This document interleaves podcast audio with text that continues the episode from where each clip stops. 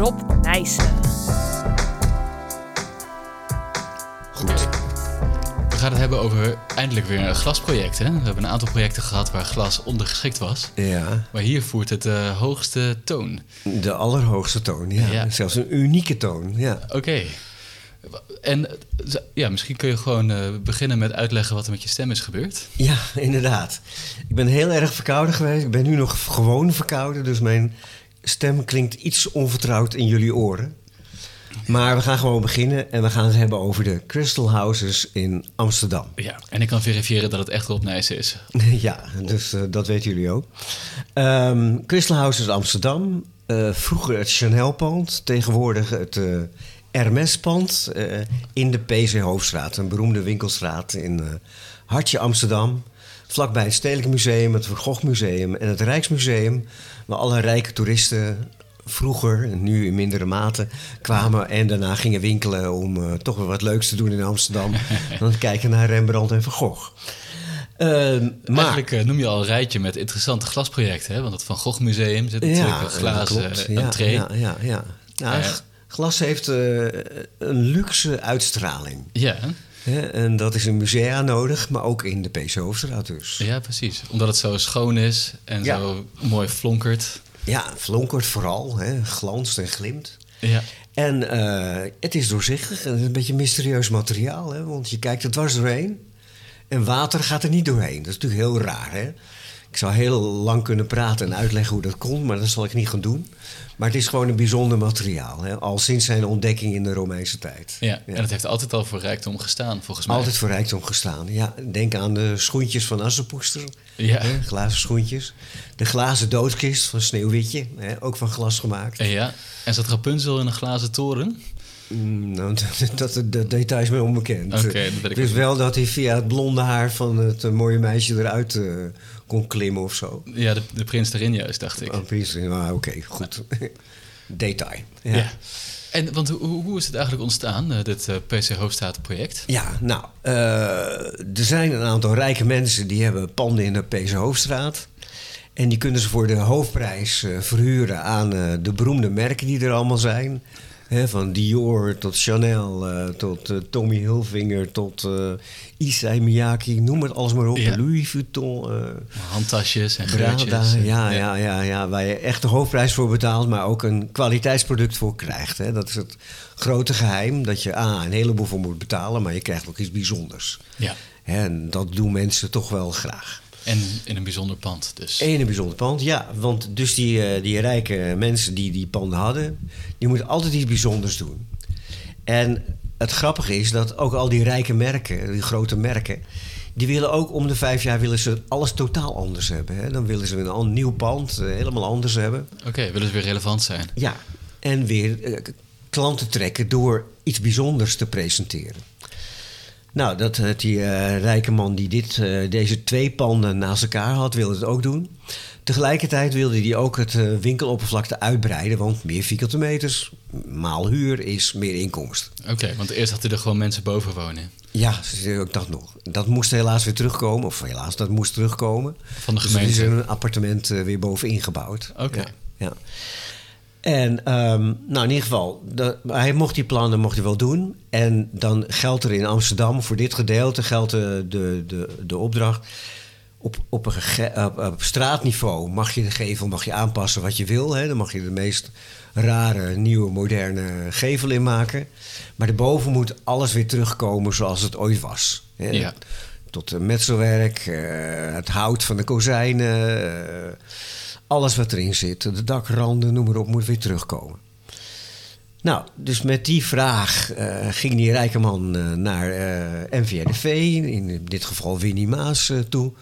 Van Winnie, kom eens met een paar mooie ideeën waar ik dit pand mee kan opknappen en zorgen dat er de rijke verhuurders, huurders, dat die in drommen naar mij toe komen. Ja, precies. Want hij heeft eigenlijk een soort, laten we zeggen, spelregels of keurslijf meegekregen van de, van de gemeente. Ja, En hij denkt, maar hoe doe ik iets wat toch anders is dan, ja, ja, ja dan verwacht precies. en wat nog wel min of meer binnen die regels valt? Ja, En ja, daarvoor ja, dacht hij, dan moet ik bij eh, Winnie Maas zijn van de NVDV. klopt. Want hij ja. denkt eh, in rare kronkels.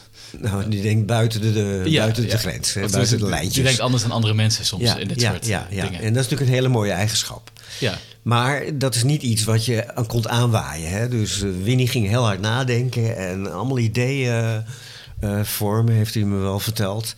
En die zei op een gegeven moment, ik kijken naar die panden uit eh, 1890 of zo, van een of andere architect, de naam ben ik kwijt. Ehm dat staat er ook niet in, Aten. Oké. Maar, maar Aten kijkt nu naar mijn boek waar het verhaal in staat. En ehm, toen zat hij te kijken en hij dacht, ja, het is allemaal metselwerk. En eh, hoe kan ik nou iets nieuws in doen? En er was in de tijd, was de onderste gevel was al weggesloopt. Hè, er was wel een eh, groot raam ingezet als etalage. Ja. Waar al die objecten lagen die mensen konden kopen in die winkel. En hij zat te denken en denk, ja, hoe is het nou modern en wat is nou luxe? En toen kreeg hij de brainwave, hè, zoals het zo mooi in het Engels heet, waar we ook geen Nederlands woord voor hebben, Aten. Ja. van, Er ging hem een licht op. ik ga alles van glas maken. Hè? En nou, dan laat hij wat mooie renderingen maken door de mensen van zijn bureau, hè, wat de computerbeelden. Hè, eentje bij dag en eentje bij nacht natuurlijk, hè, want een glazen gebouw, eh, komt het licht komt er allemaal uit s'nachts, eh, een mooi gezicht. Hè, als goed architect denk je erover na, hè, hoe ziet mijn pand er eh, s s'avonds uit, in de winter hè, vooral. Ja. Dus nou, en presenteerde die, eh, die, die, die, eh, voorstellen aan, eh, aan de rijke mensen die die panden in eigendom hadden. Maar gewoon alles van glas. Alles van glas. Dus de bakstenen van glas, deuren van glas, kozijnen van glas, ramen van glas, dakgoten van glas, dakpannen van glas. Alles dat Winnie van, eh, van glas bedacht. Ah, oké. Maar het oorsp- eh, oorspronkelijke ontwerp van de architect uit 1890. Ja, ja. Helemaal dus, tot in detail nagebouwd. dus als je een, laten zeggen, een aanzichttekening zou maken van het nieuwe ontwerp... en je zou het leggen naast een aanzichttekening van het oude ontwerp... van, de, van het originele Ja, dan gebouw... zou je bijna verschil niet zien. behalve dat er ergens staat baksteen... en op de andere tekening staat ergens Juist. glazen baksteen. Ja, ja, ja. Oké. Nou, de opdrachtgever is een heel slim iemand. eh, en die zei meteen, dit is het. Hè, dit moeten we gaan bouwen. En de volgende vraag die je stelde was, eh, kan dit en hoeveel kost het? Hè? Dat is dan de, de tweede vraag meteen erachteraan. Ja. Nou, dat wist Winnie ook niet natuurlijk. Maar Winnie wist dat ik eh, op de TU Delft eh, met de mensen daar onderzoek aan glasconstructies deed. Dus die nam contact op. En die vroeg, nou, dit en dat is het idee. Hè? Kan dat? Hè? Ah, en vroeg hij jou eigenlijk eh, als eh, ABT-persoon of als TU Delft-persoon? Allebei. Allebei, ja.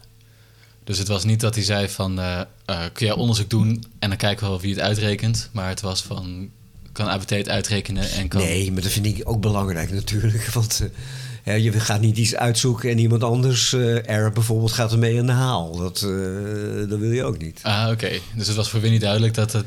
Ja, ik denk het zijn. wel, want hij benaderde me op ABT. Dus, Ah, oké. ja, ja.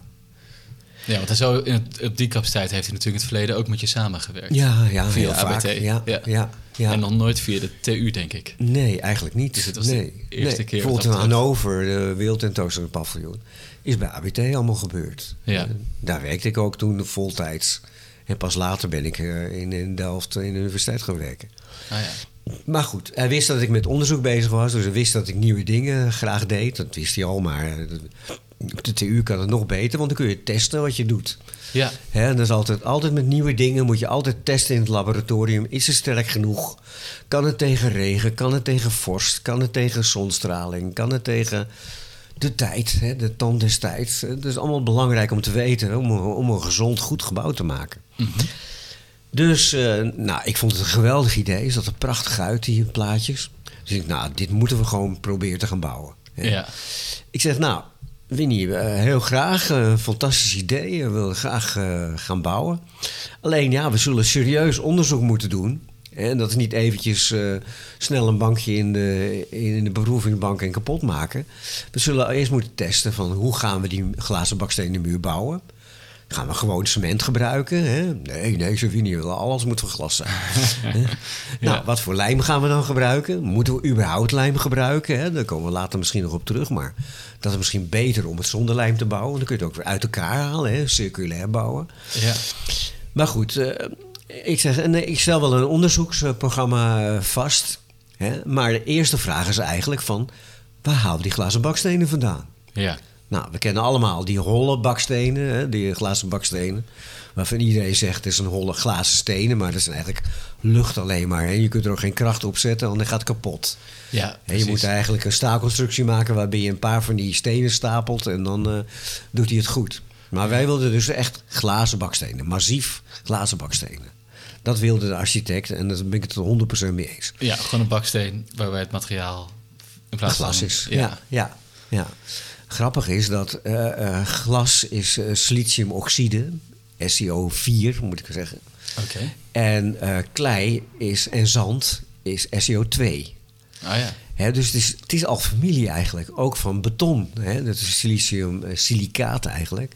Maar daar zit ook silicium in. dus, het is allemaal familie van elkaar. ja. Het allemaal brosse materialen. Dat wel, ja. Hoge druksterkte. Hoge druksterkte, zeker. Hè, dus voor een bakstenen muur is glas eigenlijk wel een logische keus. Het kan enorme drukspanningen opnemen. Maar trek, ja, weer vervelend. Ja. Goed, maar eerst gaan zoeken, kan ik nog glazen bakstenen krijgen? Nou, eh, de, de opdrachtgever had een projectleider in dienst die eh, moest zorgen dat het project goed loopt. En er was ook een hele slimme, capabele man. Die ging over de hele wereld kijken van waar kan ik glazen bakstenen krijgen. Grote glazen bakstenen, want je moet ze gieten in een vorm, laten afkoelen en dan eh, kun je ermee bouwen. was Ja. het idee. Nou, is overal geweest, in China en de meest eh, rare locaties. En die Chinezen beloven altijd, yes, yes, can, eh, we can do. Hè. Tot het puntje bij het paaltje komt, dan kan het toch niet. Oké. Maar goed, ook in Finland, in Bohemen, in Tsjechië, in, in, in Italië vooral. nou, op een gegeven moment had hij het meest positieve contact in Italië. Bij de firma Poesia, in eh, een plaatsje bij Venetië. In de buurt. In Venetië zitten beroemde Murano-wijken... waar vroeger al eh, bijzonder glas gemaakt werd. Hè, als je in Venetië bent, moet je zeker naar Murano gaan. Je hebt prachtige glasblaastechnieken en dat soort dingen. Oké. En ook gegoten glas. En dit moest gegoten glas zijn. Dus we kwamen bij de firma Poesia uit en die zeiden dat ze het konden maken.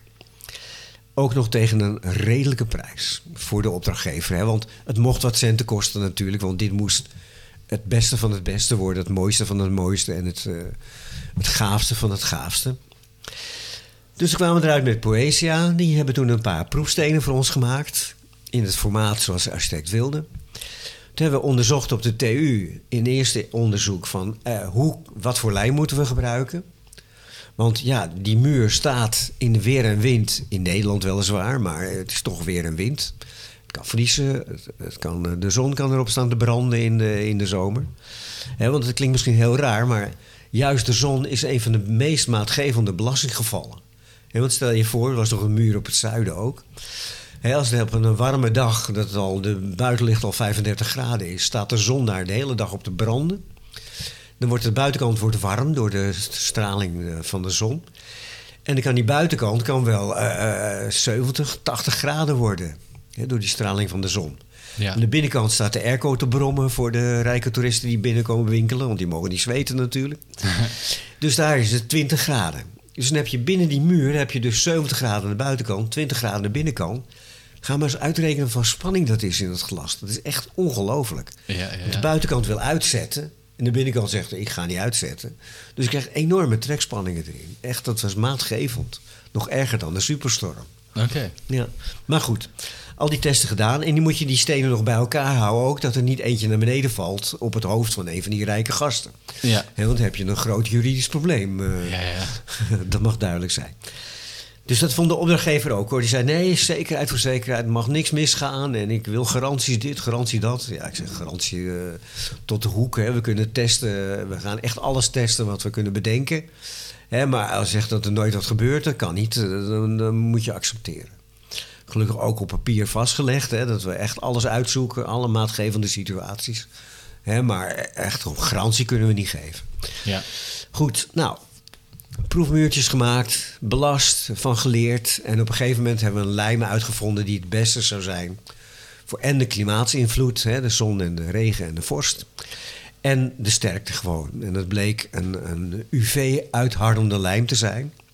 En om aan te tonen hoe capabel die lijm is, het is dezelfde lijm waarmee je vullingen in je gebit worden gelijmd. Oh ja. Dus daar heb je ook warmte, kou, vocht, eh, rare spanningen tijdens het kouwen. Dus dat, eh, dat moet wel goed gaan. En dat is een compleet transparante lijm. Ja, gelukkig wel. Ja. Eén één nadeeltje. De voeg mag niet, of de lijmlaagdikte mag niet groter zijn dan 0,3 mm. Oké. Dat betekent dat de bovenkant van de stenen en de onderkant van de steen die er bovenop kan staan, heeft ook die tolerantie van plus of min 0,3 mm. Aha. Dus dat moest enorm zuiver zijn. Ja, ja. Maar ja, als je zo'n steen maakt, hoe gaat dat? Je gaat glas gieten in eh, in een oven, of eh, smelten in de oven. Dan wordt het een soort eh, stroopachtige vloeistof. Dat giet je dan in kleine bakjes in de vorm van, van een een steen. Hè, in de oven is het ongeveer 1200 graden. Als je het uitgiet, koelt het af naar 800 graden. Maar het afkoelingstraject van 600 graden tot 0, dat is eigenlijk het kritische gedeelte. Hè, want dan wordt deel wordt al star. En dan krijg je tegen af. En de buitenkant koelt natuurlijk eerder af dan de binnenkant. Dus dan krijg je weer die temperatuurspanningen. Hè, dat de buitenkant heet is of eh, koud is. De binnenkant is nog heet. En die krimpt dan. Dan krijg je een rare spanning in het materiaal. Ja, ja, precies. Dus dat moet heel langzaam afkoelen. Dat is eigenlijk de, de, de sterkte van, of de, de, de kracht van het eh, gietproces. Hè, dat het heel langzaam moet laten afkoelen. Om, om niet te laten barsten. Dus dan hebben we het over dagen eigenlijk. Ja, ja. Want als je zo'n baksteen in zijn vorm zou gieten en je zou hem gewoon in de, in de kamertemperatuur laten staan, dan zou je na ongeveer twee uur zou je ting, ting, ting, ting, boh. en dat was echt, de steen explodeert in duizend stukjes. Ja. Hetzelfde wat je vroeger had met eh, geharde voorruiten. Er kwam één steentje tegenaan, tak, allemaal eh, kleine, kleine scheurtjes of eh, scherfjes. Korreltjes, ja. Ja. Dus dat kan niet. Dus eh, dat mocht ook niet. Dus dan moeten ze elke steen moest drie dagen langzaam afkoelen van die ongeveer 800 graden tot kamertemperatuur. Ja. Nou, dat kost een hoop energie natuurlijk. Ik zal niet beginnen dat dit een milieuvriendelijk materiaal is. Wat glas wel is natuurlijk, want het roest niet. Eh, Je kunt het altijd recyclen. Maar dit energievretende aspect is natuurlijk niet zo sterk eh, van glas. Ja. En bepaalt ook de prijs natuurlijk. Hè? Want eh, je moet niet alleen die eh, gat gieten hè, met, met handkrachten. eh, gebeuren, maar je moet ook drie dagen afkoelen. En dan moet het, eh, kun je het pas uit de vorm halen. Ja, en daarna, want je had het eigenlijk over het verlijmen ervan. Ja, Waar de tolerantie zo belangrijk was. Ja. Omdat de, de dikte van de, Ja. de lijmlaag, wat was het, 0,3 mm? plus of min 0,3 mm. Ja. Oh, dat is de tolerantie op de dikte. Ja. Eh, dus die stenen die moeten dus ook perfect ja. vlak zijn. Ja, dat kun je met gieten kun je dat niet bereiken. Ja, de onderkant, als je hem in een vorm giet, dan heb je de bovenkant is dan zichtbaar en de onder, dat is niet zichtbaar. Dus dat blijft nog redelijk recht. De, onder, ja, de onderkant van de steen is gewoon conform de rechtheid van de mal. Ja, dus als de de mal, precies. klopt, dan is die... En de opstaande wandjes ook, maar de bovenkant niet. Ja, En als je goed kijkt naar een steen die zo gegoten is, dan zie je ook een soort kuiltje in het midden. een dip. Dat een beetje uitgezakt is, ja. Ja, ja. Nou, dat konden we op één manier eh, oplossen. Moest, elke steen moest aan die kant gepolijst worden, dat hij weer helemaal vlak weer is. Dus dat heeft ook weer een aantal centen gekost. Ja, En we hadden 7000 stenen nodig voor die gevel ongeveer. Dus je kunt wel uitrekenen dat dit geen goedkoop gebouwtje nee, nee, is. precies. Ja. En maar wat, de opdrachtgever was had het steen? Weet? Hoe duur was een steen ongeveer? Ja, eh, ik heb gehoord 50 euro per steen. Aha, hè, maar eh, het lijkt me toe dat dat nog iets te weinig geweest is. Oké, zelfs nog te weinig. Ja. Want dan heb je alleen nog maar de steen. Hè, dan moet je ze nog gaan verlijmen. Ja, En die UV-hardende lijm, dat is een vloeistof totdat de UV-licht erop komt. En dan na één minuut ongeveer is het kei en keihard en hecht het enorm goed. ja supersterk. Ja, stijf. supersterk. Maar hoe doe je dat? Dan heb je dus twee mensen nodig. De ene die precies de juiste hoeveelheid lijm boven die steen legt. Dan iemand anders die die steen eh, die, die bovenop komt te liggen vasthoudt en precies op de goede plek in stand houdt. Die andere man moet dan zijn UV-lamp pakken en erop laten schijnen. En dan na één minuut kan hij die steen loslaten. En dan moet hij dus precies op de goede plek zitten, want je kunt hem niet meer eventjes verschuiven. Ja, ja. Hè, dus dat is vreselijk moeilijk en complex werk. ja, en je ziet alles. Je ziet alles. Ja, Je ja, kijkt dwars door het Ja. glas heen natuurlijk. ja. Maar omdat wij dus op de TU eh, een heleboel proefstukken gemaakt. En ondertussen hadden we al uitgewerkt hoe je dat moest doen, hoe je het meest effectieve en meest zorgvuldige doet. En we hadden daar twee mensen voor opgeleid, of tenminste die uh, promovendi die erop afstudeerden. Uh, nee, die afstudeerden op promoveren. En die, uh, die hadden dat precies uitgewerkt en die konden precies vertellen aan de montageploeg. Hè? Dat waren ervaren lijmers, maar met UV-lijm op die schaal hadden ze natuurlijk geen ervaring. Ja. Dus de eerste fase van het project zijn die twee TU-medewerkers zijn op de bouw geweest en hebben geholpen om de mensen op te leiden dat ze dus hun werk goed kunnen doen. Misschien wel netjes om ze even te noemen.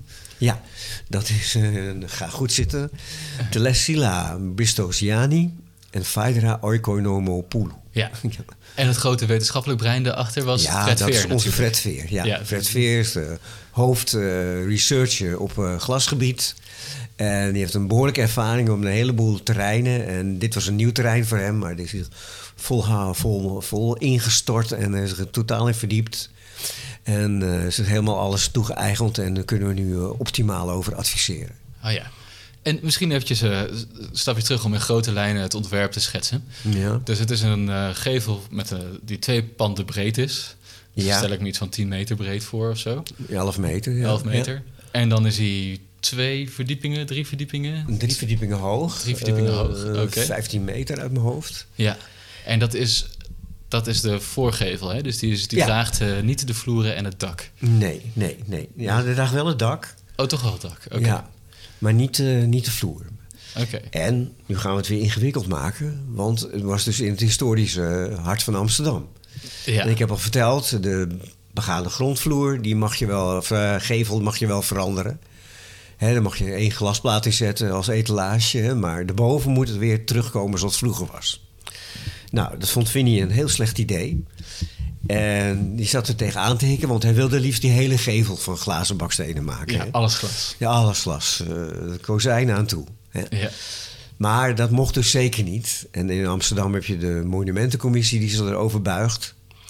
En die, eh, die vonden dat niet goed. Hè. Nou, weer niet boos naar huis natuurlijk. eh, Oh, stel je idioten. maar die kwam toen op een slim idee. Die zei, weet je wat, eh, we laten langzaam, laten we hè, op bovenkant van de begane grondgevel... laten we langzaam de glazen stenen verdwijnen en vervangen door metselwerkstenen. Hè, dat vinden ze vast Oké. wel goed. Dan heb ik een soort overgangszone. Ja, ja, ja. Nou, na veel uh, gesoebat eh, werd dat goedgekeurd. Dus eh, dat kun je nu ook zien. Oké, dus de onderste verdieping, zeg maar, Ja, op de nee, nee, grond, die is nog- helemaal transparant. Ja, nee, nee. Dus de Winima is nog zelf meer kunnen bereiken. Oké. De eerste, de eerste begane grondgevel en de gevel erboven, wat ook winkel is. En dan had Winnie weer een argument om te zeggen... ja, dat ook, eh, moest ook naar buiten kunnen kijken. Oh ja. Dat, dat mocht van glas zijn. En de derde verdieping erbovenop, de woonlagen eigenlijk... daar heb je dat Overgangs. overgangszone, wat ik zei, van eh, glazen naar bakstenen. Ja, ja, oké. En, en op die, eh, laten we zeggen, nou, de eerste twee lagen, dus we gaan de grond en eerste verdieping, Ja. daar is ook echt alles ruksigloos van Alles glas. is glas. Dus we hebben het gehad over de glazen bakstenen, Ja, die verlijmd zijn. En dan zitten er ook kozijnen voor de deur. glazen kozijnen, ja, ook Vensterbanken. gegoten. Ja, vensterbanken, Oké. deuren, ramen. Nou ja, ramen zijn van glas. Ja. Ja. Maar de deuren ook van glas. Oké. Alles van glas. Dus dat zijn behoorlijke lengtes, gro- grote glazen objecten. Maar onze vrienden in Italië konden dat allemaal eh, qua techniek aan. Als je maar lang genoeg wacht met afkoelen, Oh ja. hè, kun je dat toch wel goed voor elkaar krijgen. Oké. En eh, ja, glas isoleert natuurlijk niet super. Hè, want het is, er zit geen eh, spouw in of zo. Het is geen isolatieglas. Ja, Dus hoe kon eh, de architect toch wegkomen met de lage isolatie? Of heeft hij nog iets achter gezet? Een extra... nou, dat was een van de alternatieven die we onderzocht hebben. Om aan de binnenkant een isolatieglazen pui te zetten. Oh ja. Dat je in ieder geval een klimaatbuffer hebt of een overgang hebt. Maar gelukkig was de Nederlandse wet- wetgeving in zaken winkels is zo dat je komt binnen met je jas aan. Dus er hoeft geen verwarming of, of, eh, of koeling te zitten. Er is geen eisen aan het binnenklimaat in de winkel eigenlijk. Wel voor het personeel. Hè, dus een cashier die ergens zit of eh, een bediende die, eh, die, die je helpt. Daar moet het wel geconditioneerd zijn dat de mensen niet van de kou vernichelen of van de hitte bezwijken. Maar het winkelende publiek, eh, daar er geen eisen voor. Dus. We konden dat in ongeïsoleerd bouwen. Ja. Oké, dus dat is eigenlijk wel heel uniek aan... Ja, anders dan had het nooit zo gekund. Of tenminste, dan had je... Nee, dan was het nog moeilijker geworden. Ja, We zijn nu ook bezig op de TU om te onderzoeken hoe we bijvoorbeeld eh, een spouwmuur kunnen maken van glazen eh, bakstenen. ah ja. Ja, om toch weer iets van isolatie erin te bouwen. En je hebt bepaalde soorten isolatie die ook doorzichtig zijn. Hè, wat je net eh, de normen kunt halen qua isolatievermogen. Ah ja. ja dus we zijn ermee bezig, maar het is moeilijk om op te lossen. Ja. Ja, ja, ja. Ehm, oh ja, je, je hebt hier nog een interessant stuk over. ehm, wat, wat ik vooral interessant vind, is hoe, hoe gaat die samenwerking dan eigenlijk tussen de architect, die een eh, wild idee heeft, Ja. en dan eh, nou, de constructeur, wat jij dan bent, eh, Ja. en, en de onderzoekers van de TU, die ook met je samenwerken, om het idee te realiseren. En nu zie ik in je boek zat er een goed voorbeeld van hoe een horizontale windbelasting op de gevel ja, ja, hoe die afgedragen kan worden. ja, Ja, want normaal zit daar natuurlijk de eerste verdiepingsvloer, die steun geeft. Ja, precies ja. steun geeft aan de gevel. En wat Winnie nu gedaan heeft, is, om die, is dat hij die eerste verdiepingsvloer terug heeft geplaatst, een aantal meter. Maar goed, dan mis je die steun ook. Ja, ja, ja. Dus, dus hoe... Nou, dat was een dubbel probleem. Maar eh, dit soort bouwwerken, eh, dan ga je van het ene probleem naar het andere probleem. Hè. Dus het is nooit van alles gaat van een leien dakje.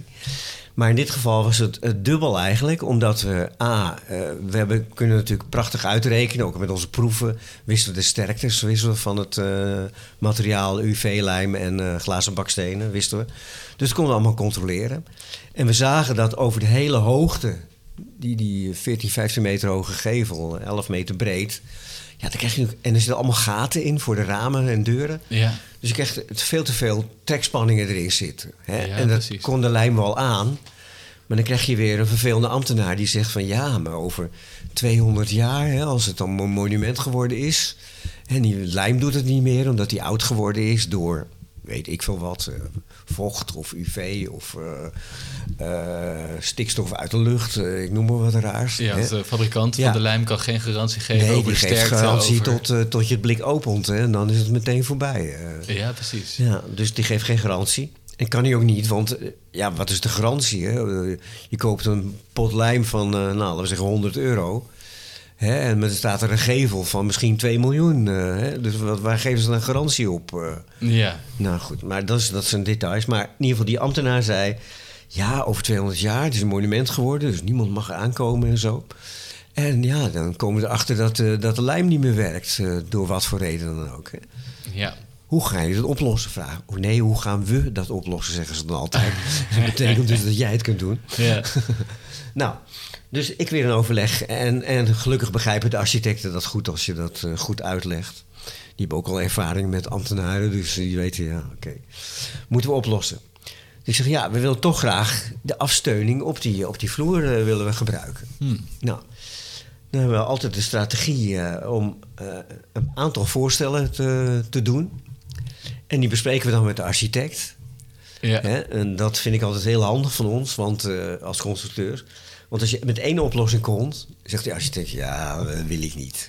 Nee, verzin maar wat anders. Maar als je met drie oplossingen komt, dan gaat er een of ander knopje om in hun hoofd. En dan denken ze van: Ja, oké, ik moet kiezen hiertussen. Ja. En hebben ze ook misschien wel de vrijheid om die opties te combineren en... en Ook dat- nog, ja, natuurlijk. Ja, natuurlijk. Dus dan ontstaat er meer vrijheid in het, in het ontwerpproces. Want zo ging het. Winnie Maas zei van... eh, Ja, nou, We willen- we moeten afsturen. Hè. Eh, Ja. eh, hoe kunnen we dat doen? Dan zeg ik, nou, we hebben tijd nodig. Dan zullen we een aantal voorstellen maken en dan bespreken we dat met jullie. Oké. Nou, het is altijd haast, dus eh, je krijgt er een paar dagen voor op z'n hoogst. En dan maak je van die, van die hele ja. simpele schetsen altijd, hè? Ja, ja, ja. Met wat, wat verschillende kleuren pennen en Ja, ja, een ja. highlighter, een Ja, gele ja. highlighter of zo. Ja, ja, ja. Ja, en liefst zo onbehol- onbeholpen mogelijk, hè. Ja. De architect denkt, oh, dat kunnen we wel wat mooier maken. Ja, Dat, eh, precies. Ja, ja. Ja. Maar goed, eh, er is drie voorstellen gemaakt voor die gevel. Hè, als die helemaal los zou zijn. Ze wegen natuurlijk behoorlijk veel. Hè, dus er zit al een behoorlijke drukspanning, ook in de voeg al. Ja. Hè, maar je hebt de wind er tegenaan en dan zou het kunnen kantelen. Hè. Dan krijg je trekspanningen erin en de voegen werken niet meer. Dus ja, eh, dan valt het los zand uit elkaar. ja, want hij zit dan eigenlijk aan de fundering, zou je zeggen. Daar zit hij min of meer wordt tegengehouden. Ja. En langs de zijwanden ook. Langs de zijwanden wordt hij vastgehouden en bij de dakrand. eh, Oh, oké, dus daar zit. Ja. Ja, precies. Nou, dus ik wilde graag die tussenvloer gebruiken op ongeveer eh, vijf meter hoogte. Hè, ongeveer halverwege het, eh, de grote gevel. En dan heb ik toen drie varianten ontwikkeld met de mensen van ABT eh, als hulp. Eén is een ladderframe, dat we overal eh, glazen staven lieten steunen om de, de muur op een heleboel plekken. Waarom heet het een ladderframe? Omdat je alleen maar de supporten hebt waar je op loopt en de, de zij- en de ach- achterrand. Lijkt Ah, oké. ladder. Dus dan is het eigenlijk de, de, de glazen gevel is één, één staander Deel, van de ja. ladder. En dan Aan de binnenkant een andere staander. ja, En dan heb je die, de... glazen staven ertussenin. Ah, Oké, ja. ja. ja. Dus heb je eigenlijk een serie staanders die je achter de ja, ja, bestaande gevel ja, neerzet. Natuurlijk vreselijk aanwezig, dus die viel eigenlijk meteen af. Maar Ja. goed, eh, ik heb hem wel genoteerd, dus eh, vandaar. Hè. De volgende vond ik wel interessanter. Dat was eigenlijk mijn technische favoriet. We gingen ter hoogte van die vloer op ongeveer 5 meter, halverwege de gevel... gingen we piramides eh, plakken... die met hun grondvlak tegen de eh, glazen gevel aanrusten... en in een punt bijeen kwamen bij die vloer. Ja, piramides, maar niet, niet vlakken. Hè? Alleen de randen van de piramides werden dan... Ja, dat waren de staven die op Ja. de randen van de piramides zitten eigenlijk. Dus ja. piramidevorm Ja, piramidevorm. van staven. Ja, ja, Ja. van staven, ja, precies. Ja, het is moeilijk via de, microfoon dat uit te leggen allemaal. Ja. Maar goed, eh, dat was eh, dus de tweede oplossing. En de derde oplossing was, net als de gotiek, steunberen maken. Van glas. Nou, eigenlijk waren de architecten al vrij snel erachter van... dit moeten we maar kiezen, want dit hoort het meeste bij elkaar. En ik kan het ook wel begrijpen.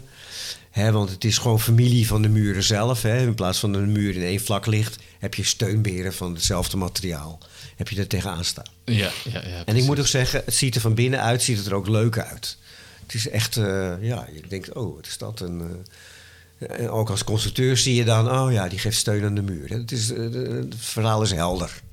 Ja, en ik denk ook het meest veilig. Want als je ervan Ja. uitgaat wat de ambtenaar Klopt. zegt... stel dat de lijm niks meer doet... dan zou ik een stapeling met steunberen van losse stenen meer vertrouwen... Ja, dan ja, een stapeling precies. wat alleen één vlak is met een paar steuntjes Een rare sprietje eraan. Ja, Ja. precies. Ja. Nee, helemaal waar. Dus eh goede keus. eh, Ja. ja. En wist je al dat ze dat gingen kiezen? Had je dat van tevoren nee, zien? Nee, nee, nee. Daar denk ik nooit over na. Ik, eh, Oké. ik bedenk gewoon een aantal oplossingen. En dan denk ik van, nou, dit zijn goede ideeën. En dan heb je wel een eigen favoriet, hè? Ja, altijd. Maar die hou ik min of meer geheim. Hè. Ja. En verder... En ik denk ook anders dan een architect. Hè. Als ik ergens naar kijk, wil ik graag zien hoe het werkt. Hè. Dat, eh, en het moet ook, eh, ja, hoe moet je zeggen, eh, een beetje minimalistisch zijn. Hè. Dat je wel iets toevoegt, iets extra moet doen. Maar dat het niet overdonderend in het gezicht is. Hè. Want het is dat die eh, steunberen van, eh, van glas zijn. Hè. Dus ze zijn ook transparant en eh sprinken, eh glimmend en mooi, eh, mooi materiaal. Ja. Maar als dat bijvoorbeeld van echte bakstenen gemaakt moet worden, nou, dan is het natuurlijk eh, een vlag op een modderschuit. Hè. Dus, eh, Ja, ja, precies. Dan Ja. zou je alleen nog maar steunberen zien. ja, En dan zou je ja, die gevel... eh, die, die valt weg. ja. Oké, en de- de- deze berekeningen... Die, ja, uiteindelijk moet je natuurlijk voor bouwtoezicht een st- statische berekening eh, Ja, indienen. ja, dat is dan gesteund door alle proeven die op de TU Delft ja, zijn gedaan. Ja, ja. Maar, maar uiteindelijk moet er dan een, een, een rekenmodel... eh, Waarschijnlijk eh, gewoon een FEM-rekenmodel, Ja, kan ja. ik me zo voorstellen. ja, klopt. Door, door ABT uitgevoerd. Ja. Eh, Nee, de hele wand is gewoon in, in, eh, met eindige elementenmethode eh, precies nagebouwd. Ja. En dan hebben we gewoon alle belastingen die er komen. Vooral de windbelasting natuurlijk. Hè. Maar ook de temperatuurbelasting. Hè. Vergeet dat niet. hè, Dat de buitenkant ja, ja. eh, 780 graden wordt en binnen is het nog steeds 20 graden. Worden doorgerekend. En die dienen we dan in. En dan houden we onze vingers gekruist. En dan hopen we dat er geen commentaar komt. eh. En, En- dat was in dit geval. eh, ja. Oké, de gemeente ging gewoon akkoord. Ja, ja, Heel vaak krijg je nog wat terug, toch? ja, ja. Maar dat was in dit geval alles voldoende Nee, uitgezocht. omdat we het hele proces hebben ze nauw betrokken. Oh, dus ze hadden van tevoren al aangekaart. Ze zijn zelfs een keer wezen kijken op de TU naar eh, kleine muurtjes die we kapot maken. Ah ja. Hè, dan, eh, dan, eh, dan bouw je vertrouwen op. En dan krijg je makkelijker goedkeuring dan dat je dat plomp verloren allemaal in één keer indient. Ja, oké. Ja. Nou, nog één mooi verhaal. Ja. Ehm, we hebben al gezegd, hè, de glazen bakstenen die, eh, die, die worden langzaam vervangen. Ze zie je af en toe een, echte baksteen terugkomen eh, tot het helemaal hè, op het eh, appartement dat bovenin zit terugkomt als echte bakstenen. Nou, hoe meng je die nou met elkaar? We hebben echt een heleboel proeven gedaan. Een mengsel van glazen bakstenen en echte metselwerkstenen. Nou, dat is bijna niet te doen. We hebben ook een andere thermische uitzettingscoëfficiënt. Andere thermische uitzetting, andere hechting aan lijmen bijvoorbeeld. Oh ja. Dus we moesten een lijm hebben die zowel hecht aan glas als aan, eh, aan de baksteen. Nou, die zijn er wel, maar dan zijn ze uit. zwak. En dan zijn ze lelijk en dan moeten ze dik zijn en noem maar op. eh. we kwamen er niet uit. En eigenlijk vond de architect dat heel erg jammer, want die willen graag, eh, dat noemen ze dan eerlijke oplossingen hebben. Hè? Dat je echt zegt, nou, er staan een aantal bakstenen komen er tussendoor en op een gegeven moment wordt het alleen maar bakstenen. Ja. En naar boven toe gaand. Nou, ja, we komen er niet uit. Ik zeg maar, we hebben één oplossing. Geen drie. Nee, in dit geval eh, helaas niet. We stonden met ons rug tegen de muur. Ja, dan weten de architecten dat het echt serieus is als je met één Ja, oplossing dat komt. ook, ja, dat Ja. ook, ja. Dat ook. Dan Zeg, eh, we maken een glazen baksteen. Ja, we maken gewoon die hele bakstenen muur maken we tot de hoogte waar het volwa- volledig eh, bakste- eh, echte bakstenen worden. Daar maken we een stalen latij. Daar liggen dan alle echte bakstenen in. Dan zie je dus ook een voeg, hè, als je heel hoog eh, goed kan kijken. Oké. Aten kijkt nu. Ja, niet te zien.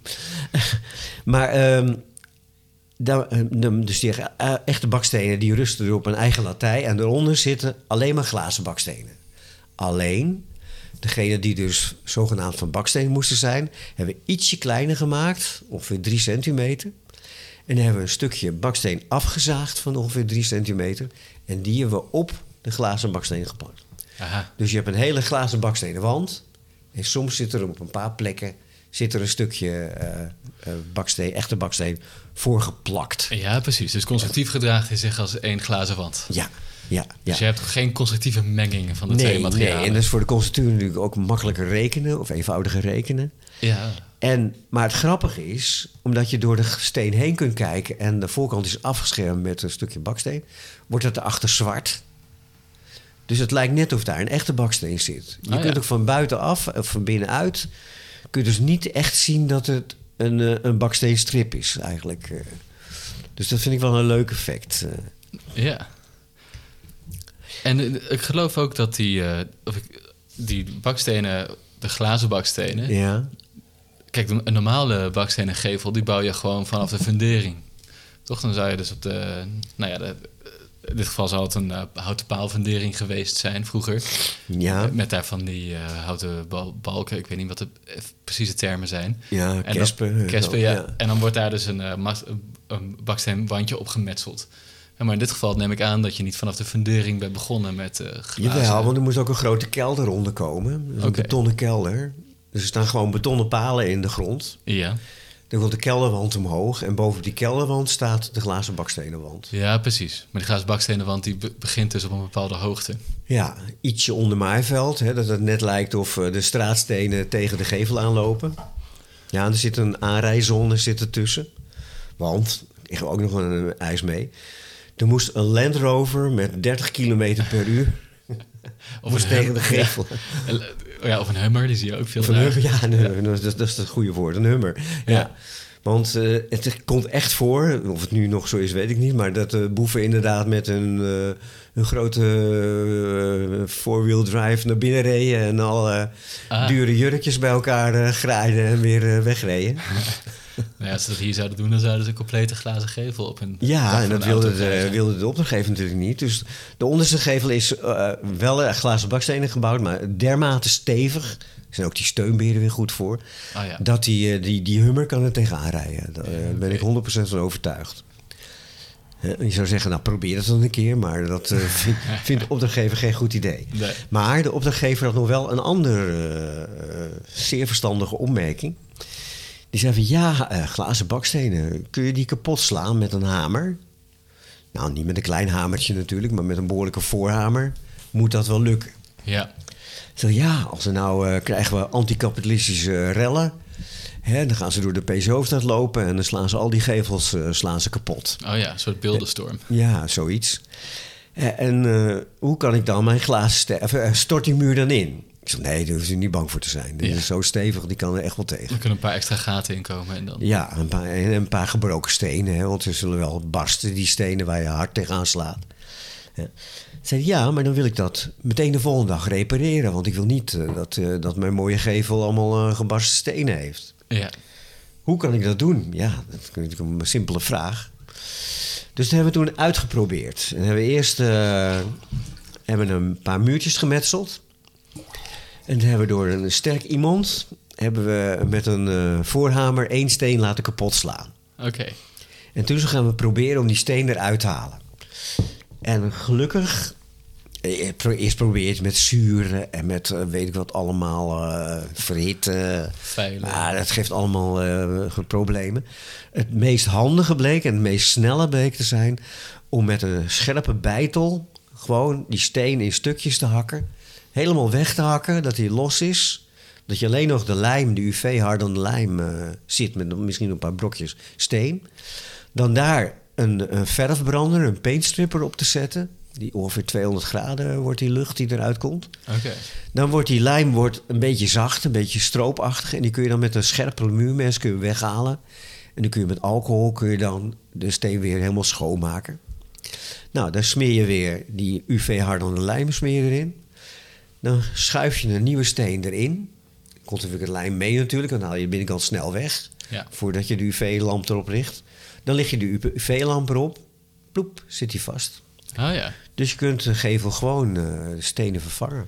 Dat is ook meteen een goede tip voor eventuele criminelen die eh Hermes tasjes willen jatten. Ja, maar we moeten wel rekenen om eh, eh, een opening waar je een tasje doorheen kunt, dat je daar twee dagen mee bezig bent. Ja, Eh, precies. Kun je ja. beter gewoon een raampje intikken. ja, nou ja, dat is natuurlijk de, zwa- de zwakke schakel in dit geval. Ja. Ja.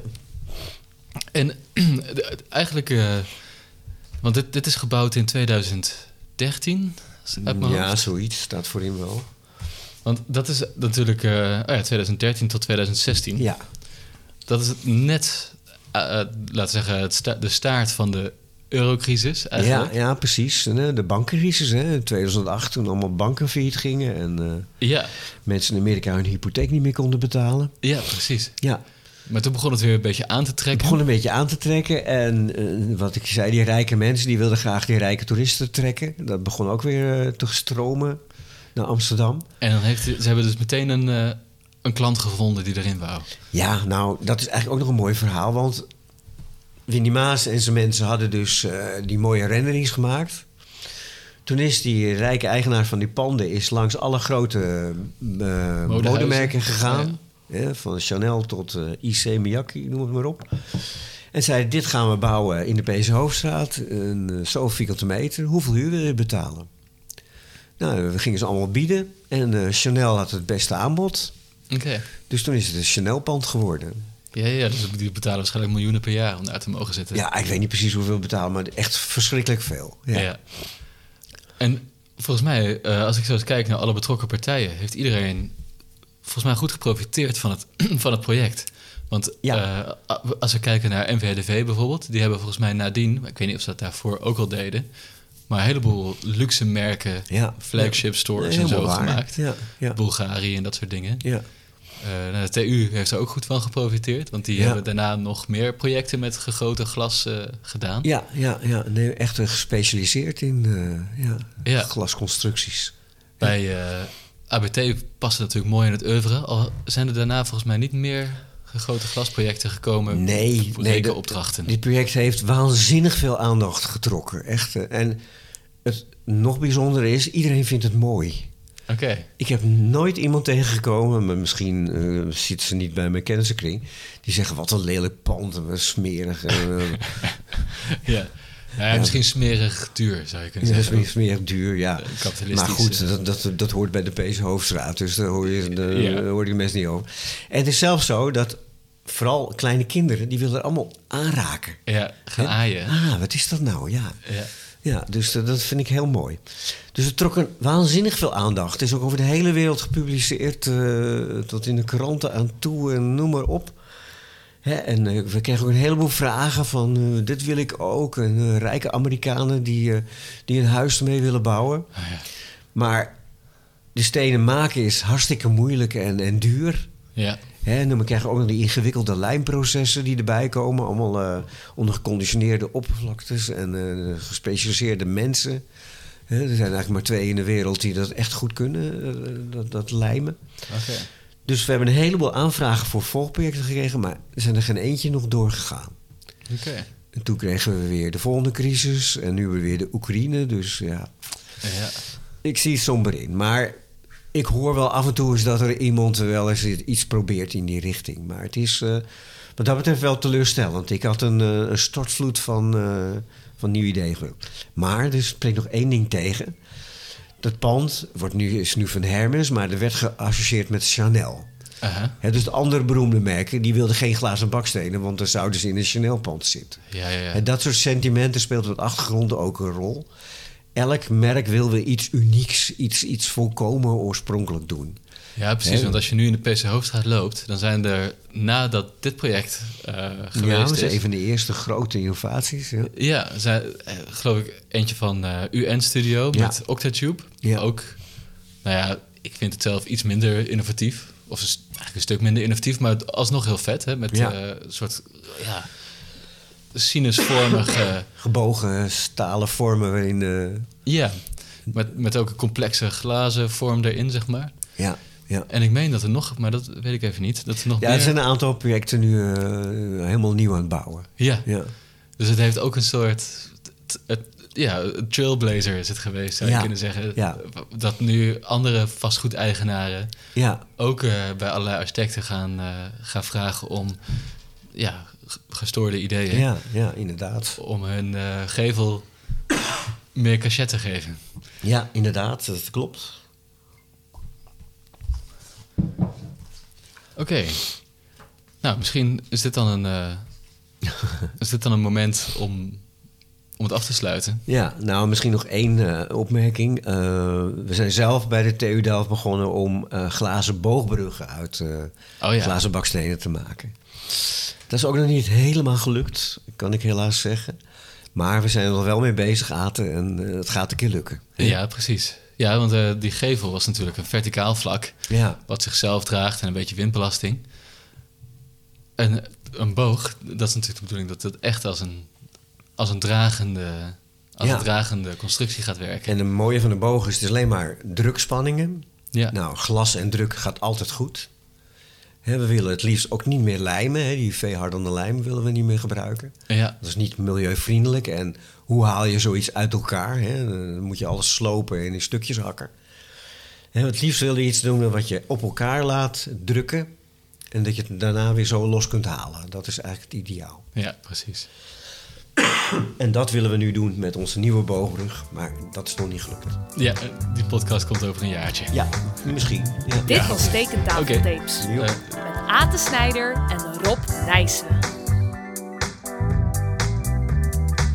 Muziek door Project Alpha en Roze Marijnen.